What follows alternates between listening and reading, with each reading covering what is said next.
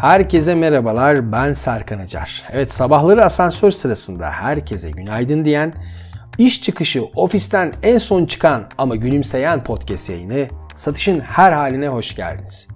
Evet, bu hafta, daha doğrusu bugünkü konumuz Satış sahasından Notlar isimli yazı dizimden belirlediğim birkaç başlık ve birkaç konu. Peki bunlar neler? Harika bir iksirden bahsedeceğim size. Bu iksirin ismi nezaket. Evet sonrasında ise ıstakaları birazcık parlatacağız. Bakalım neler konuşacağız, neler anlatacağız. Hadi başlayalım.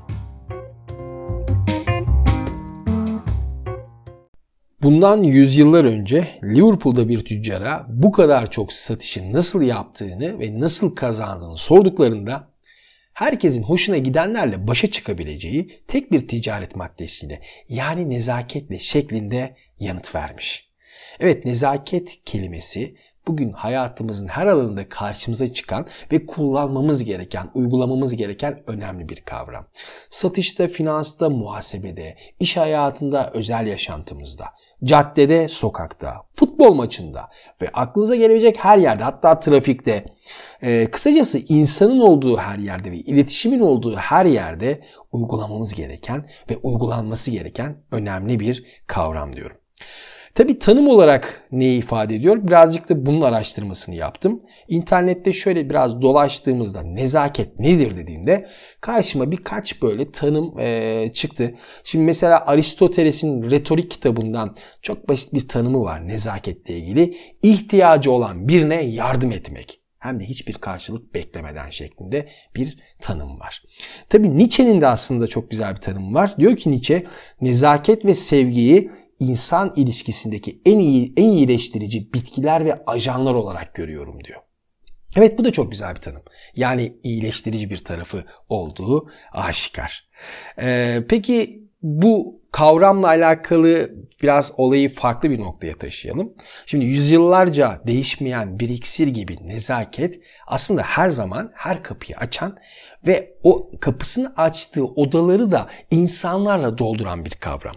Şimdi bakın Paris'te 1838 yılında kurulan e, Le Bon Marché mağazasının yöneticileri de bunu bu iksiri aslında 150 yıl önce farkına varmışlar ve keşfetmişler. Kapılarını müşteri olsun ya da olmasın herkese açmışlar ve çalışanlarına tüm ürünleri müşterilere satın alsalar da almasalar da kapıdan giren herkese büyük bir nezaketle gösterilmesi talimatını vermişler. Çok önemli bakın altını çiziyorum nezaketle. Bu nezaket karşısında inanın herkes bir şey almak istemiş ve de almış. Bugün ise işler peki nasıl? Bir mağazanın kapısından içeri girdiğinizde e, müşteriye ya da size e, hızlı bir şekilde değer biçiliyor. Alabilir ya da alamaz şeklinde kafalarda bir değer algısı oluşturuyor. Evet satış profesyonelleri bir müşteriyi analiz etme yeteneği e, güçlü olan kişilerdir. Bundan bahsetmiyorum. Ama nezaket kavramının dışına çıkan bazı davranışlar maalesef günümüzde karşımıza çıkıyor. Hatta nezaket konusunda şöyle bir algı da var. Nazik insanlar, nezaketli insanların güçsüz insanlar olduğu algısı var bazı kesimlerde. İnanılmaz yanlış bir durum. Çünkü nezaket sahibi olmak güç isteyen bir şeydir. Herkesin sahip olabileceği bir kavramda, bir olguda değildir diyorum ben. Maddesel baktığımız her birey aslında bizleri daha fazla maddesel olmaya itiyor. İşte satış sahasında da bu şekilde. Yani insani duyguların üzerinde bir şeylerin değersizleştirilmesine sebep oluyoruz ve sebep oluyor. Yepyeni bir çağdayız. Bakın hani dijitalleşiyoruz. İşte diyorum ya ben dijitalleşme nefes alıp verme süremizden daha hızlı ilerliyor. Ama bugün satışa değer katan kavramların en önemlisi olan insanı ve insani duyguları bir tarafa kesinlikle atmamalıyız. Müşterilerinize değer vermek istiyorsanız diyorum ben kapılarınızla birlikte gönlünüzü de sonuna kadar açmalısınız. Orison Merden'in 1916 yılında söylediği güzel bir söz var. Aslında birçoğumuz bunu biliyoruz ama kimin söylediği noktasında bazı karışıklıklar var. Müşterilerinize satış yapmayın diyor Orison. Onların satın almalarına yardımcı olun diyor.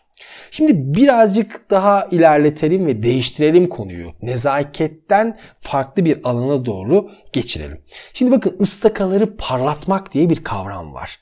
Hani 90'lı yılların en önemli sosyalleşme faaliyetlerinden birisi benim için bilardoydu. Çünkü ben o yıllarda e, bilardoyu hem bir spor olarak hem de sosyalleşme faaliyeti olarak görüyordum. Evet bilardo salonlarına gidiyorduk hepimiz. Rekabet, strateji, teknik, kişiselleştirilmiş bir oyun ve bu alanda isim yapmak o zamanların herkesin e, istediği bir olaydı. Aslında çok önemliydi herkes için. Tabi bunun için yetenek ve özgüven de şarttı. Yani oyunun kuralları aslında çok netti ama e, en önemli araç ise ıstakaydı. Şimdi tabii bu ıstakanın sadece size ait olması ise inanılmaz büyük ayrıcalıktı. bu şekilde kendine ait ıstakasıyla gelip oyunlar, e, oyun oynayan arkadaşlarımız vardı. Evet büyük bir hayranlıkla e, onları izlerdik. Neyse başladım ben tabii oyuna diyeyim. Kendimi biraz anlatayım. Elimde ıstaka, karşımda gayet net bir görüntü. Atıyorum fakat her defasında bir çıt sesi. Ve vuramıyorum topa. Hepimizin başına gelmiştir. Bilardo oynayan ya da bilardo bilen ya da bilmeyen oynayan birçok insan bu konunun ne demek e, ne ifade ettiğimi anlıyordur. Yani çıt sesi duyarsınız ama topa bir türlü vuramazsınız. Top olduğu yerden sadece e, belki çok böyle birkaç santim sağ, sağa ya da sola kayar. İyi ama eksik olan şey neydi peki burada? Her şey tam diye düşünürken oradan bir ses. Istakanı tepeşirle. O an öğreniyorum bunu. Daha doğrusu o an öğrendim. Ve bazı şeylerin ayrıntıda gizli olduğunu da. Şimdi satış sahasında ilk başladığım yıllarda da üzerimde bir bilmişlik, bir böyle kendine aşırı derecede bir özgüven ve böyle ben yaparım, ben satarım, ben her şeyi biliyorum zaten gibi bir hava vardı. Satamayacağım şey yok diyordum herkese. Bakın ne kadar güzel. Ama sonra işler tersine dönüverdi. Bakın iki haftadır ne bir satış yaptım bazı zamanlar, bazen aylarca, bazen üç hafta üst üste ne de bir başarı. Peki ama eksik olan şey neydi? Bir bütün olarak bakamadığımızda gördüklerimiz bizi hep yanıltır. Eksik olan şey özgüven değildi belki ama karşı tarafa veremediğimiz güven olabilir. Ya da teknik bir bilgi değil belki ama eksikliğimiz müşterilerimizi dinlememek de olabilir. Evet bugün satış sahasında kaybedilen satışların büyük bir kısmı karşı tarafı net dinlememekten, anlayamamaktan, derin dinleyememekten kaynaklanıyor aslında bakarsanız. Ufak ve gözle görülmeyen ama hayata anlam katan sayısı şey var şu dünyada. Bir tebeşir deyip geçmemek lazım. Bakın nereden nereye aldık konuyu. Sadece ıstakayı tutmayı bilmek yetmiyor bu hayatta bilardo oynamak için.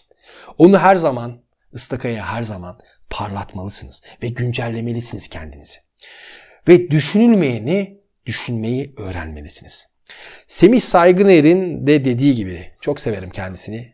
Ee, böyle bir büyük bir hayranlıkla da izliyorum, takip ediyorum. Ben de sihir falan yok diyor Semih Saygıner. Sadece onların düşünemedikleri şeyleri düşünüyorum diyor. Evet bu podcast'te iki farklı konuyu bir araya getirerek birleştirdik. Umarım keyif almışsınızdır. Yeni bölümde görüşmek üzere. Hoşçakalın.